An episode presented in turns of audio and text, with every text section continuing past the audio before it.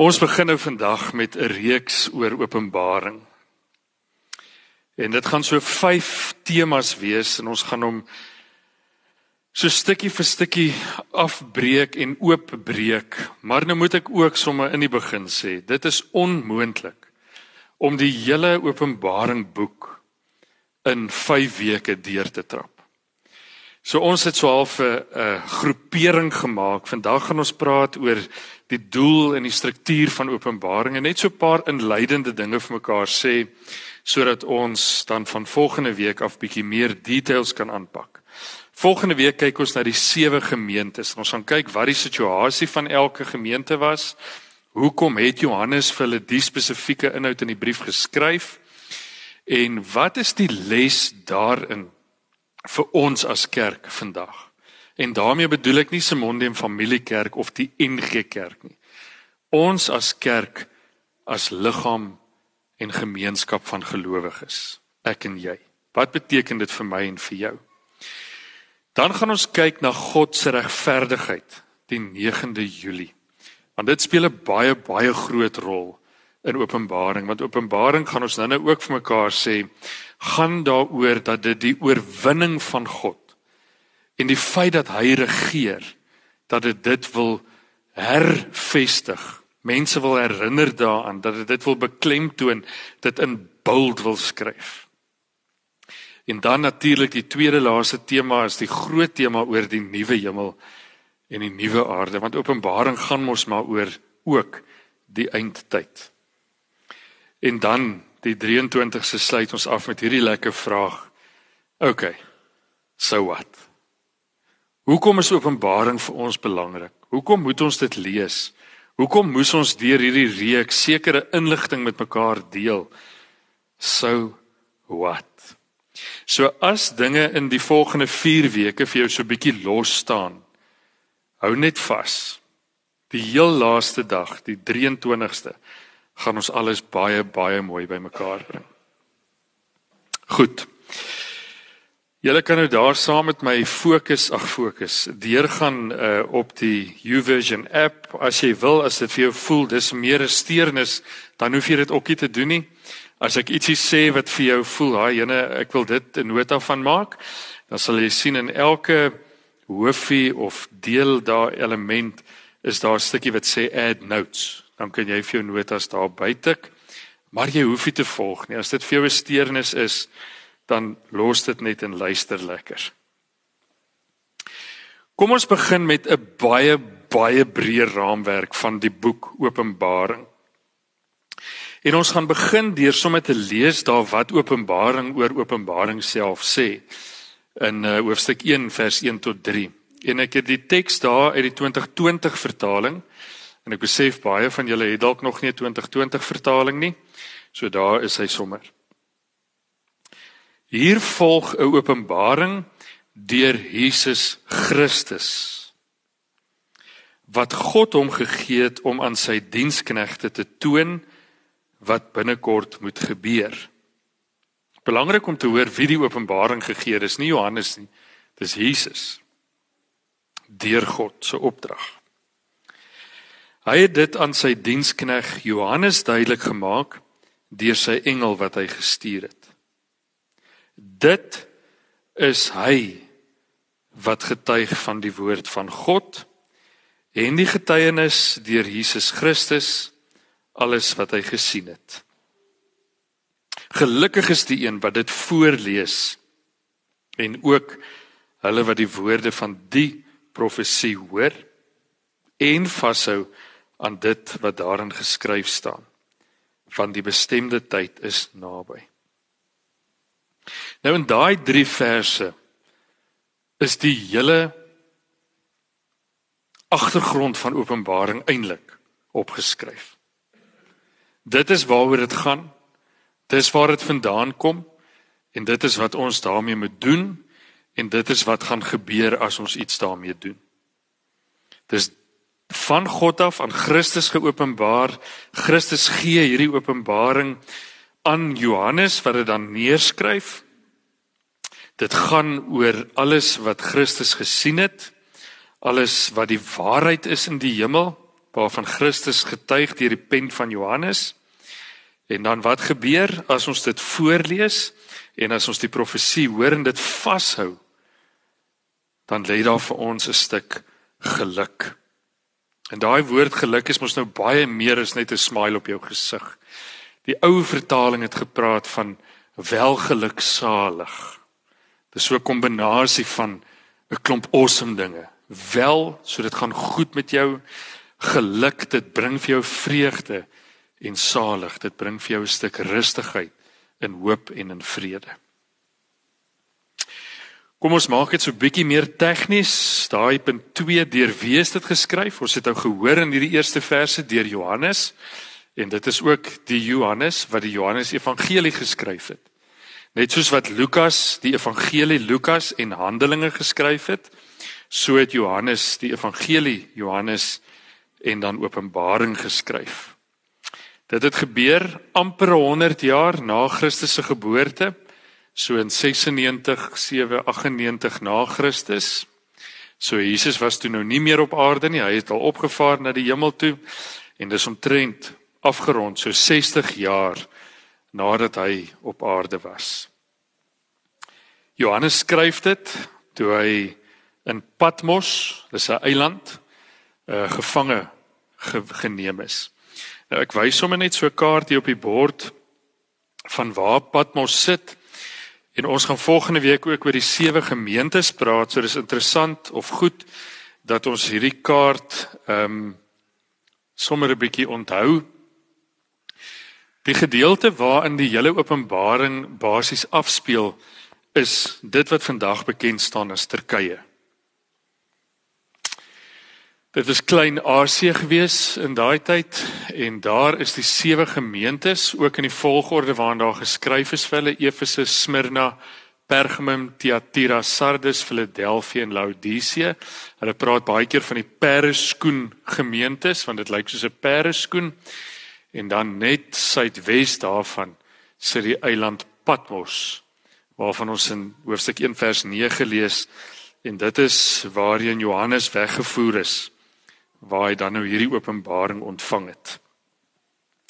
Dit net so 'n klein stukkie breë agtergrond. Nou voordat ons kan kom by wat is die boek Openbaring, moet ons dalk eers so 'n bietjie Mythbusters vir oggend hier speel. Julle ken daai storie Mythbusters? Daar's 'n paar dinge wat ons gereeld vir mekaar sê oor Openbaring wat absolute leuns is. So kom ons sit gou van hierdie leuns op die tafel. Die eerste leen is Openbaring is 'n boek wat uitsluitlik handel oor die toekoms. Dit gaan net oor die eindtyd. Maar dit is 'n leen. Openbaring is net soveel vir nou geskryf en oor nou geskryf as wat dit geskryf is vir eendag en oor eendag. Wanneer ons nou volgende week die sewe briewe gaan lees of die briewe aan die sewe gemeentes, is dit baie duidelik dat Openbaring geskryf is vir hulle situasie van daardie tyd. Nie oor een dag nie, maar vir dit wat hulle in daardie oomblik moet en nie moet doen nie. En julle gaan sien deur die loop van vandag en deur die loop van die reeks dat Openbaring net so gelees moet word soos die ander dele in die Nuwe Testament. En ons lees dit tog vir die hier en die nou. Ek gaan lees nie Paulus se briewe of die evangelies net met die oog op die wederkoms nie. Met die oog op die hemel wat vir my aanbreek nadat ek my aardse lewe hier afsluit nie. Ek lees Bybel vir nou. En as 'n mens dink daaraan dat die Christene in die 90er jare na Christus se dood waar in die wat die tyd is waarin Openbaring geskryf is, het die Christene baie baie erge vervolging beleef. Ek wou graag video's gewys het wat gaan oor byvoorbeeld twee van die martelare. Dit wat hulle deurgemaak het in daardie tyd. Daar's baie baie Christene wat op brandstapels onder die Romeine verbrand is. Daar's 'n vrou wat gevange geneem is omdat sy 'n absolute uitgesproke kind van die Here was en op daai stadium toe sy gevange geneem is, ehm um, ek dink haar naam is Perpetua, was sy swanger gewees. En die Romeine het vir haar gesê, "Luister, ons gaan jou teregstel. Jy het een van twee keuses. Of ons doen dit nou as jy gaan aanhou om Christus te verkondig met jou baba of jy hou op om dit te doen. Sy het gesê maar ek gaan nie ophou nie. En toe het hulle met haar 'n deal gemaak en vir gesê maar dis reg ons moet maar wag totdat jou baba gebore is. En hulle het letterlik gewag totdat die babatjie gebore is. Hulle het die babatjie vir haar sussie gegee en hulle het haar vir die luiperds gevoer. Ten aanskoue van honderde Romeine. En hulle weier net om te sê ek ontken Jesus Christus. Sy is een van baie Poly um, Perpetuan Polycarpus dink ek was die ander man se naam wat op 'n brandstapel verbrand is. Is een van duisende duisende Christene wat in daardie tyd aangehou het om te glo, aangehou het om te getuig dat Jesus Christus die weg en die waarheid is en die lewe is. En hulle het met hulle lewens betaal daarvoor. So Openbaring is vir mense in daai tyd geskryf. Openbaring wanneer hulle dit lees, het dit nie net gegaan oor eendag nie. Dit het gegaan oor nou. Hoe koop ek in die tronk met 'n swangerskap? Hoe koop ek as ek weet ek moet binnekort na 'n brandstapel toe gelei word. Hoe koop ek en hoe reageer ek wanneer die Romeine vir my sê luister, ontken die Here of So vir daai mense was dit nie net 'n boek vir eendag nie. Dit was 'n boek vir nou. En vir my en vir jou is dit ook 'n boek vir nou. En dit gaan ook oor die hier en die nou. Die tweede ding is Om al hierdie moeilike simboliek en taalgebruik te verstaan, het 'n mens buitengewone uitlegmetodes nodig. Jy moet 'n meestersgraad in teologie hê en jy moet al die beste Duitse kommentare hê om te kan verstaan wat in Openbaring geskryf is. Dit is nie so nie. Want die Christene wat Openbaring moes lees, was gewone gewone mense sonder geleerdheid. So nou moet ek en jy vir mekaar die vraag afvra: Indien Openbaring geskryf was en die eerste hoorders en ontvangers van Openbaring was gewone mense wat vervolg is, wat hoop nodig gehad het. Is dit dan werklik nodig om akademies en wetenskaplik Openbaring te dissekteer soos wat ons wil doen? soos wat ons voel is nodig om te doen. My gevoel is nee. Openbaring moet gelees kan word deur 'n gewone mens. En dit moet betekenis kan gee. En daarom kan ek en jy as gewone mense Openbaring lees en ek beloof vir julle 'n dominee se meestersgraad in teologie beteken vir hom zilch as dit by Openbaring kom. Openbaring is nie gemaak om wetenskaplik en akademies gedissekteer te word nie. Is gemaak om te lees en om hoop te ervaar. Al is die beelde daarin kompleks en abstrak. Ons hoef nie dit wetenskaplik te verstaan nie. Dis nie die betekenis daarvan nie.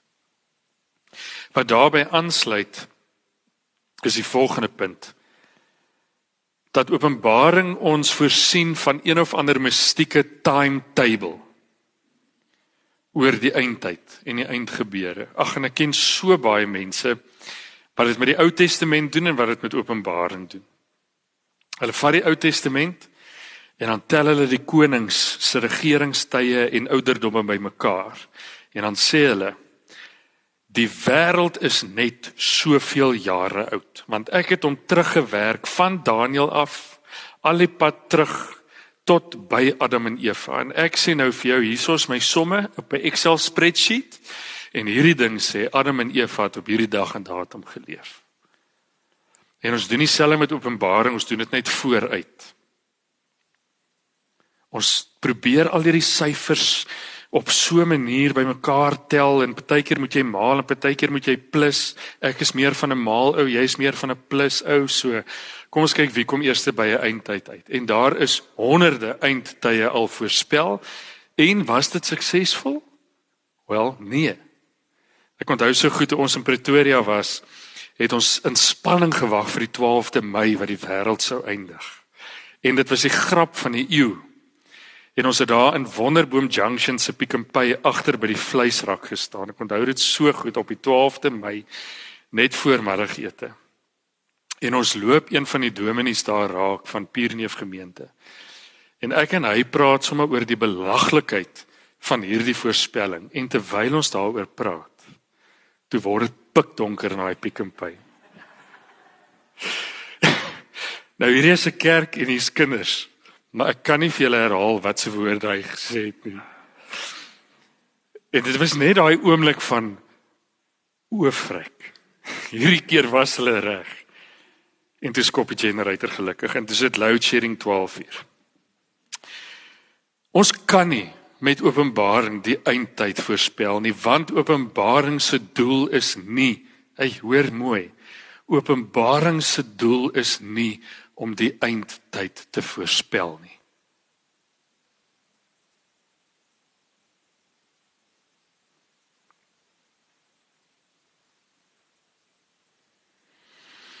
Die laaste een daar ons verstaan van Openbarings eksklusiewe geleerdes bedoel. Ek dink dit het ek sommer nou in die in die eerste punt hanteer. Die doel van Openbaring is juis om vir gelowiges hoop te gee om hulle te vertel dat God in beheer is, dat God koning is, dat hy regeer en dat ons oukei sal wees. Nou goed. Punt 4 daar op die app. As hierdie dinge wat ons nou genoem het, dit is wat Openbaring nie is nie. Wat is dit dan nou?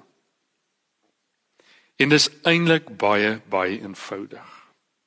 En ek gaan probeer om dit nou vandag in regte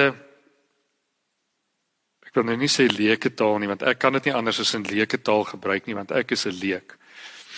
In in regte eenvoudige prentjie taal verduidelik soos wat ek dit verstaan. Ek kan dit nie anders verstaan nie. Openbaring is drie dinge. Dis so drie sirkels wat mekaar hier in die middel oorvleuel. In die eerste plek is dit 'n apokalips. Nou ek gaan nou mooi verduidelik wat 'n apokalips is. In die tweede plek is dit 'n profesie. 'n Profesie gaan oor wat nog moet gebeur. So daar is 'n element van die toekoms in Openbaring. Maar dis nie alwaaroor dit gaan nie. En dan soos ons volgende week met die sewe gemeentes gaan sien, is Openbaring ook 'n brief wat ook vir ons vandag bedoel is. Nou kom ek verduidelik gou wat 'n apokalips is. As ons die woord apokalips hoor, dan dink ons onmiddellik aan niks anders as zombies nie. Nee. Hierdie snaakse mannetjies wat uit die grond uitkom en uh, so maak.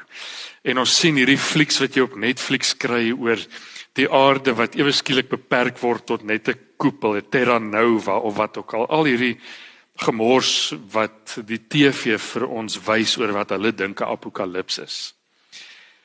Hulle die kat heeltemal nie sterd beet. Maar daar is tog so hier en daar ietsie wat hulle uitbeeld wat waar is. Vir iets om 'n apokalips te wees. Apokalips is 'n tipe benadering Dit is 'n tipe openbaring. Dit is 'n manier hoe ons inhoud gee. Dis 'n manier hoe ons verstaan. Dis 'n tool wat betekenis gee. OK? Dis 'n tool wat betekenis gee. Soos wat ehm um, geskiedenis vir ons wil feite gee oor die verlede, so het 'n apokalips ook 'n doel om sekere dinge te doen. Maar vir iets om geskiedenis te wees, moet dit oor die verlede gaan en dit moet feite, nie net interpretasie nie, maar ook feitelik wees. Dit moet historiesiteit hê. Vir apokalips om 'n apokalips te wees, moet dit ook aan sekere dinge voldoen. Nommer 1, dit moet 'n openbaring of 'n onthulling bevat. So daar moet iets wees wat toe was en die tool wat ons vir mense gee, hierdie apokalips wat ons vir hulle gee, moet van hierdie geheime oopmaak. En dit doen Openbaring. Openbaring is 'n beeld van dit wat ons as mense nie sommer kan sien nie. En Christus kom deur die pen van Johannes en hy breek iets van daardie onsigbare realiteit vir ons oop. So Openbaring tik daardie boksie as 'n apokalips dan moet die openbaring deur 'n bonatuurlike bemiddelaar, byvoorbeeld deur 'n engel of in die geval van die boek Openbaring deur Jesus Christus aan 'n aardse ontvanger gegee word. En ons het in die begin gelees in daai eerste verse. Dit is deur Jesus Christus gegee. So daar tik dit nog 'n boksie vir 'n apokalips. Die derde vereiste is dat die ontvanger 'n siener of 'n dromer moet wees. En Johannes was, Johannes het besondere insig gehad in God se dinge. Hy was 'n dromer. Die inhoud van die Openbaring is verlossing uit die huidige bose wêreld. En dis presies waaroor Openbaring, die boek Openbaring gaan. Openbaring is geskryf vir wie in die eerste plek? vir die vervolgde Christene in die eerste eeu na Christus. Vir die ene op die brandstapel of vir die ene wat 'n luiperd in die oë kyk. Vir die een wat agter tralies sit as gevolg van haar geloof. Dit is die eerste ontvangers. En hulle sit in 'n bose wêreld waar die Romeine hulle vervolg waar die Romeine hulle spot oor hulle geloof.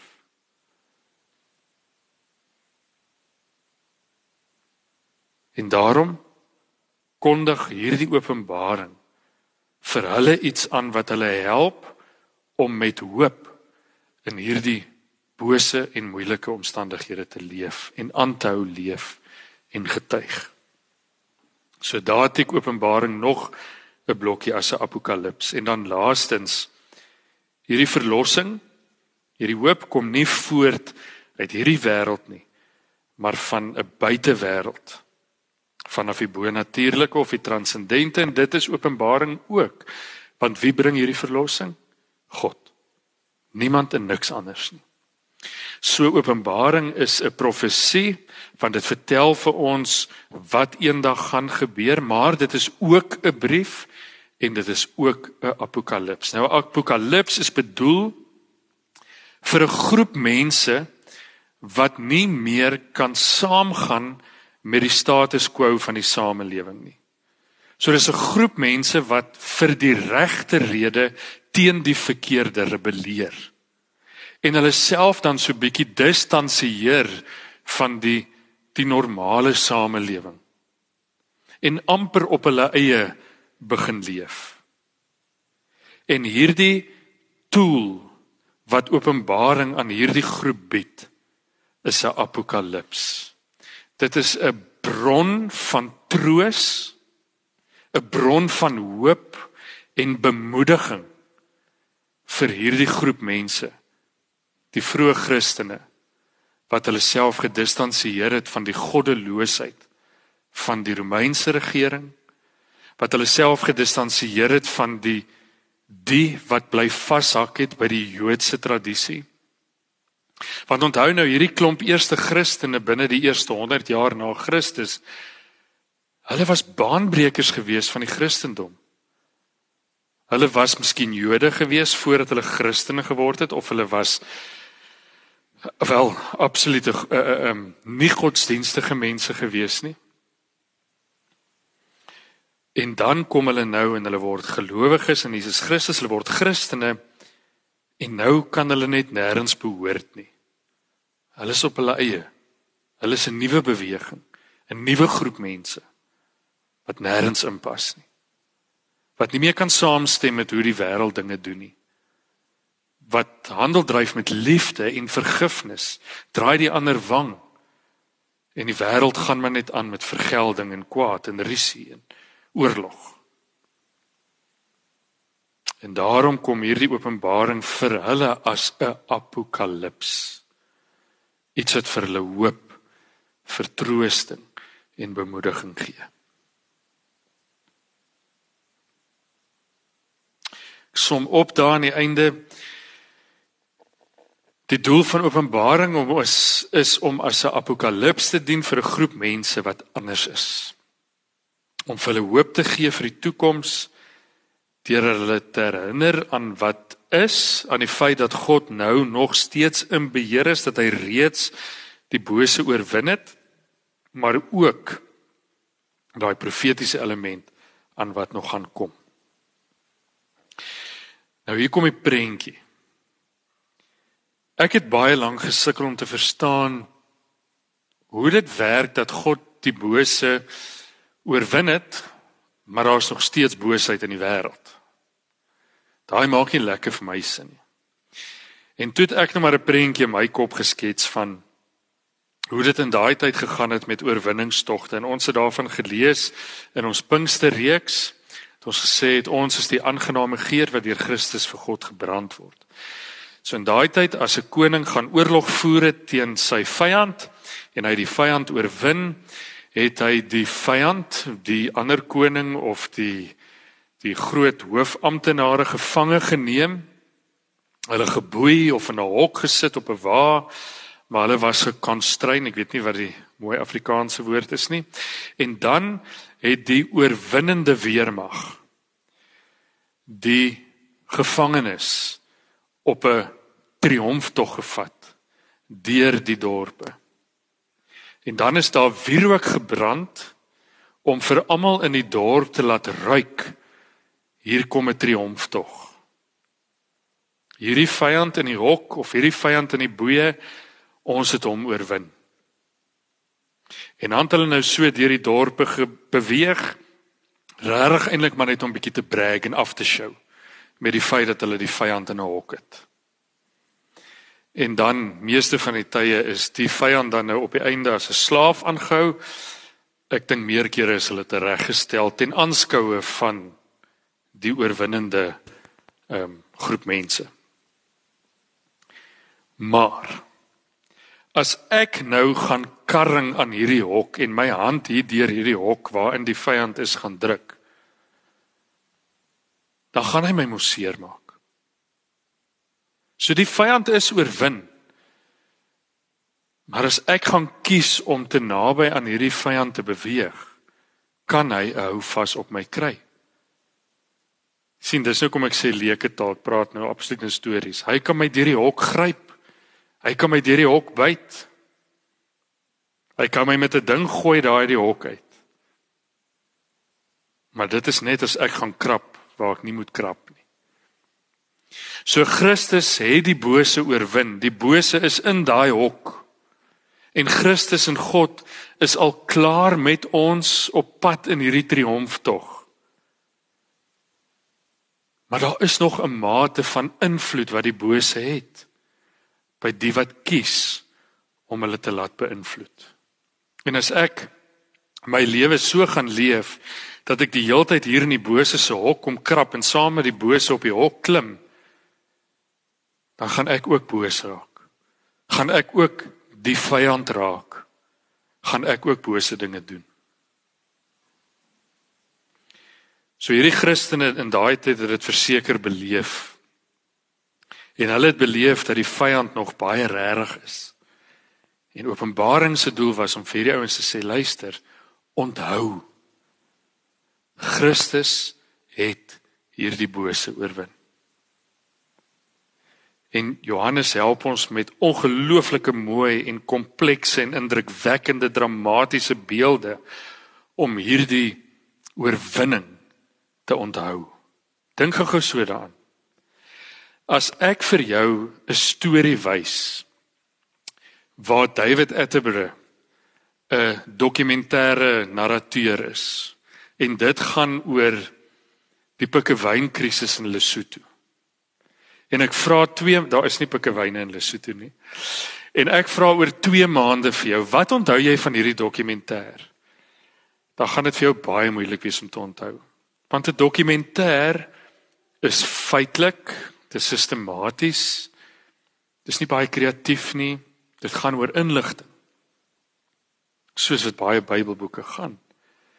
Maar as ek vir jou die fliek Avatar wys met hierdie blou manne en hierdie boom wat so lewe en die van julle wat Avatar gekyk het sal weet jy kan dit nie vergeet nie. Daai beelde van Avatar wat so ryk is en so kreatief is en die dramatiese manier hoe hulle dit goed vertel maak so 'n indruk op 'n mens dat jy nie anders kan as om dit te onthou nie. Ek kan niks van David Attenborough se dokumentêre onthou as ek my oë toemaak en probeer dink daaraan nie. Maar as jy vir my sê, maak jy oë toe en dink aan Avatar, kan ek vir jou amper elke sien in detail verduidelik, want dit het 'n indruk op my gemaak.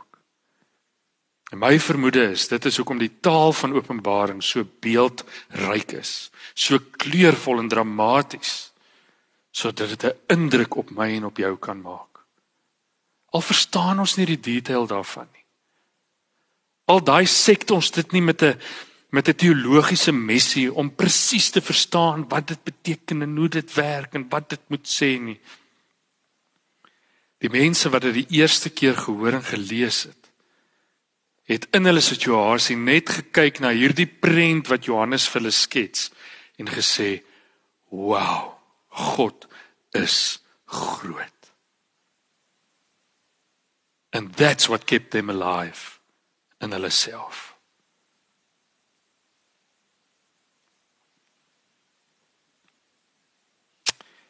Ek sluit af met die laaste punt.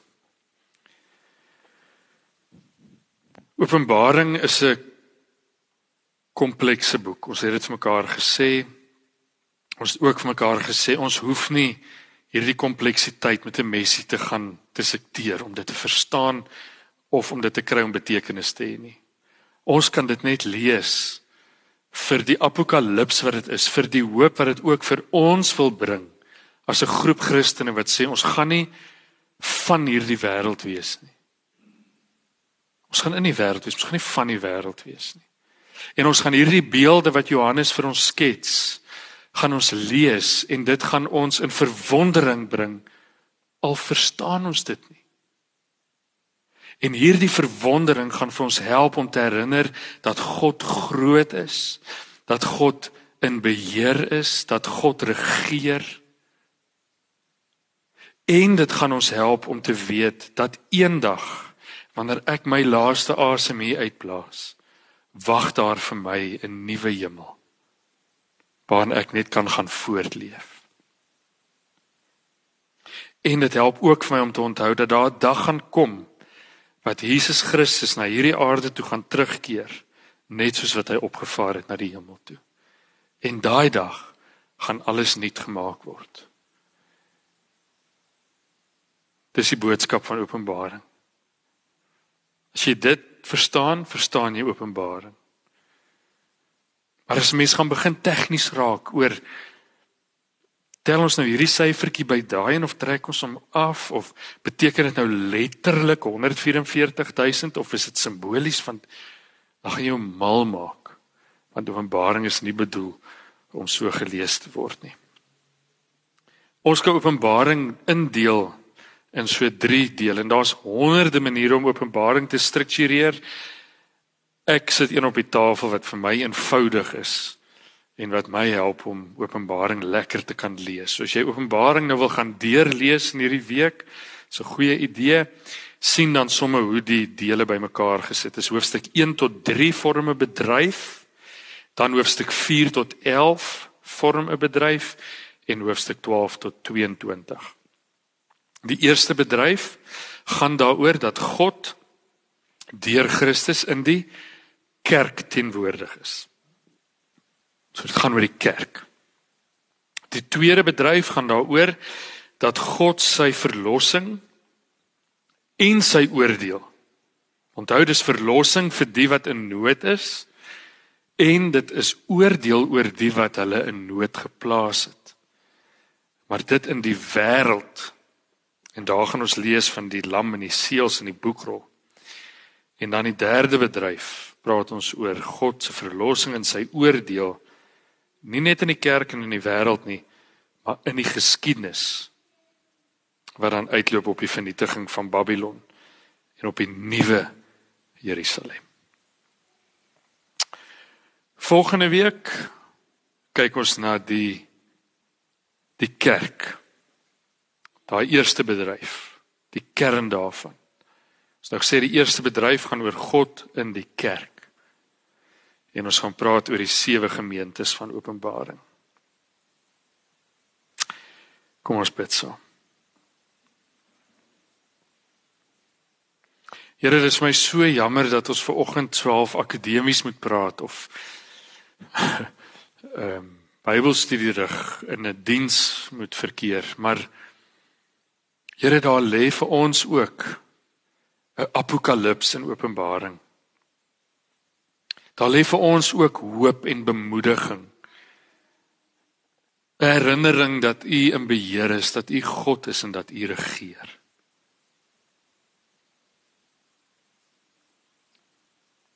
En Here ons vra dat daar regtig 'n ding sal gebeur en dit is dat ons ook nou in 2023 as 'n groep gelowiges hierdie apokalips sal ontvang en dit sal geniet. Dit sal oopbreek en ons eie sal maak. Here help ons om nie verstrengel te raak in al die klein fyn draadjies van openbaring nie. Help ons om 'n tree terug te gee en die tapisserie voor ons te bekyk en te sê, "Wow, alle eer aan God."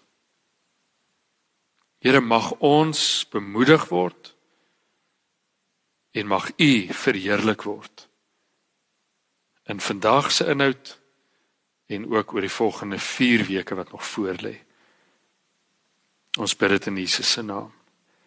Amen.